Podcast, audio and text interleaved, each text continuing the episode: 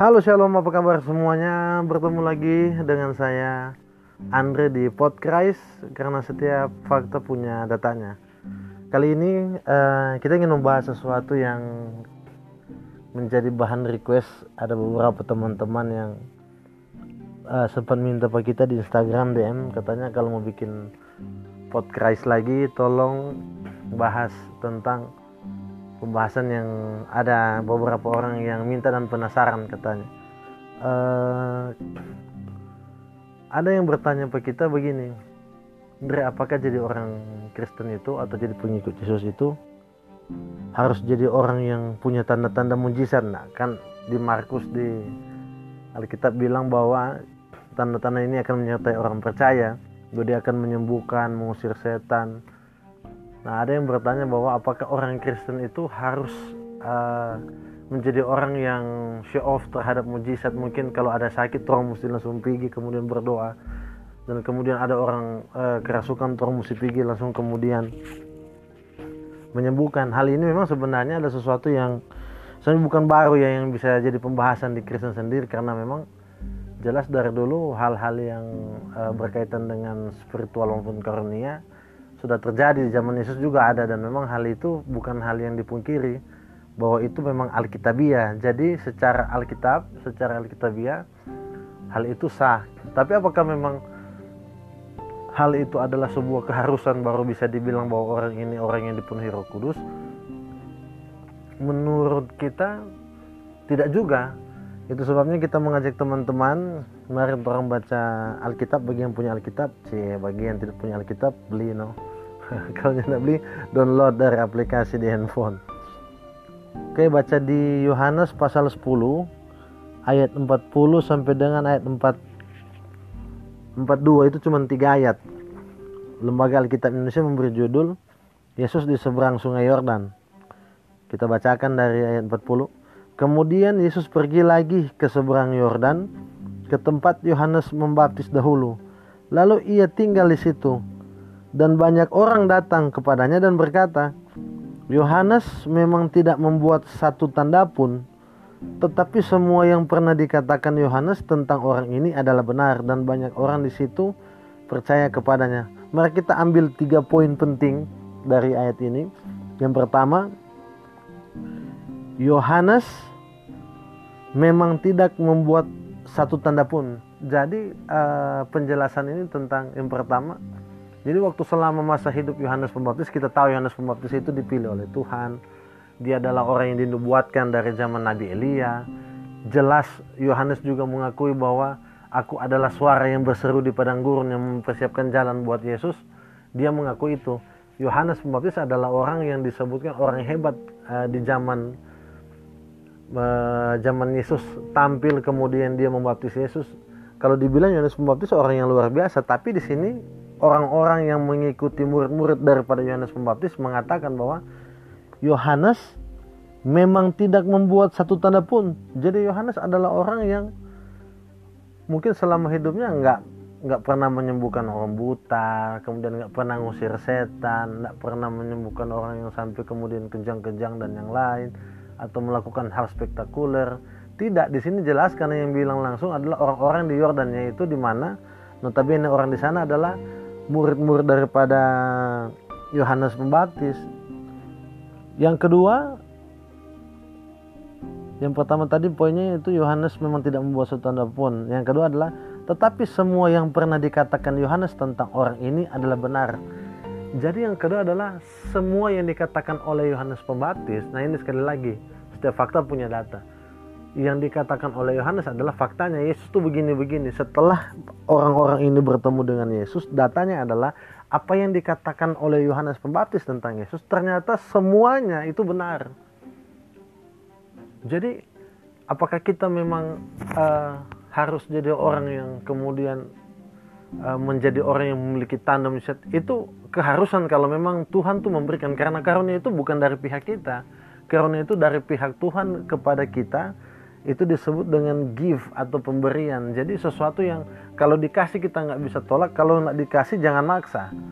Jadi artinya eh, kita adalah orang-orang yang sebenarnya dalam dalam posisi amanat agung kita jadi orang-orang yang diberikan porsi kepada Tuhan untuk pergi memberitakan kemudian mengelola itu atau memuridkan itu jadi kita adalah orang-orang yang sebenarnya begini amanat agung itu bukan sesuatu pemaksaan tapi sesuatu kerelaan atau sesuatu tanggung jawab yang kemudian disuruh pergi.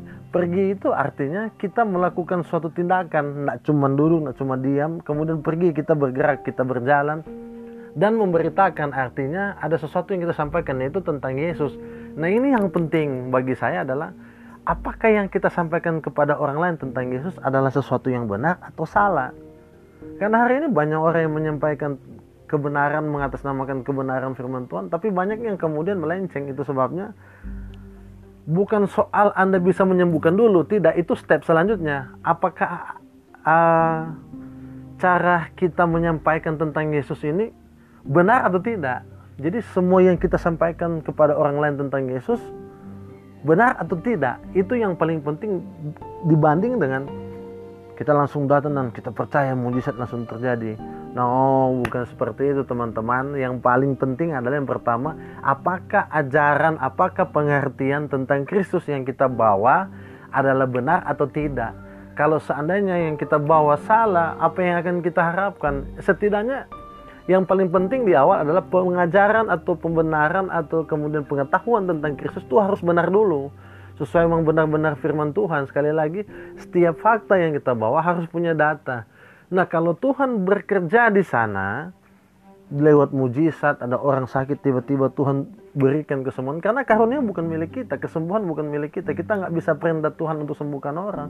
Tuhan yang perintah kita untuk sembuhkan orang dan Tuhan akan menyembuhkan. Kan jadi berbeda. Hari ini banyak orang, Tuhan sembuhkan dia.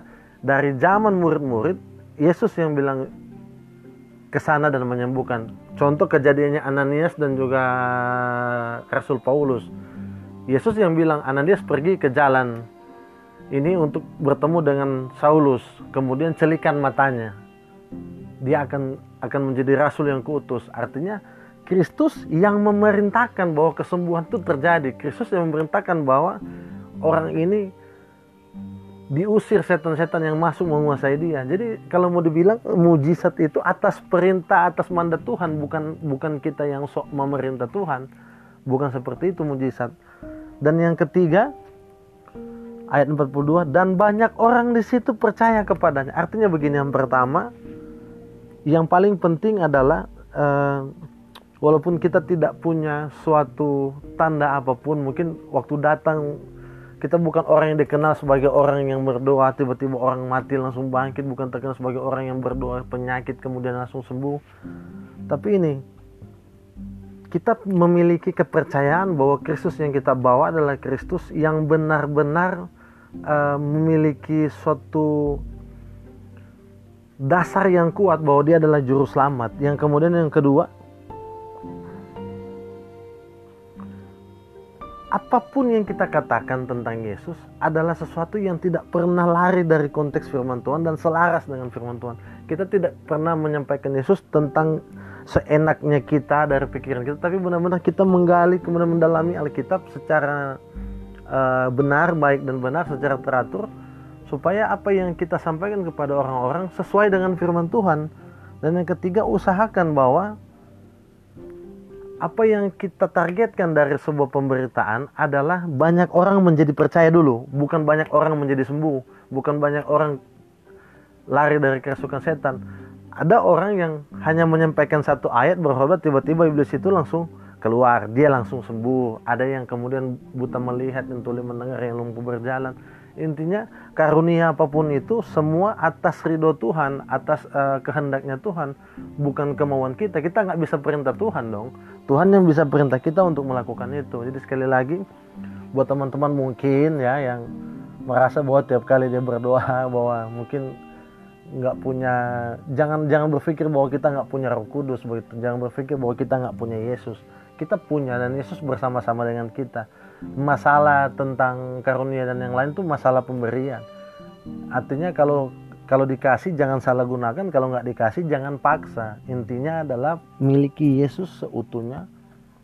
Jadikan dia satu-satunya yang bertata dalam hati kita. Biarkan Kristus yang mengendalikan kita dan bukan kita yang mengendalikan Kristus. Itu penting jadi sekali lagi buat teman-teman semua ini uh, episode 3 kali ini. Jadi kalau ada yang mungkin mau ada yang kita bahas bisa DM ke kita ke Instagram cek di @andre underscore Nehemia. Jadi teman-teman boleh sampaikan uh, apa yang pengen kita bahas dan kita bisa bahas sesimpel semudah mungkin sesederhana mungkin teman-teman mendengar. Sekali lagi uh, kita akan ketemu di podcast pada episode selanjutnya. Karena setiap fakta punya datanya sekali lagi kita Andre. Sampai bertemu Shalom Elohim Besem Hamasya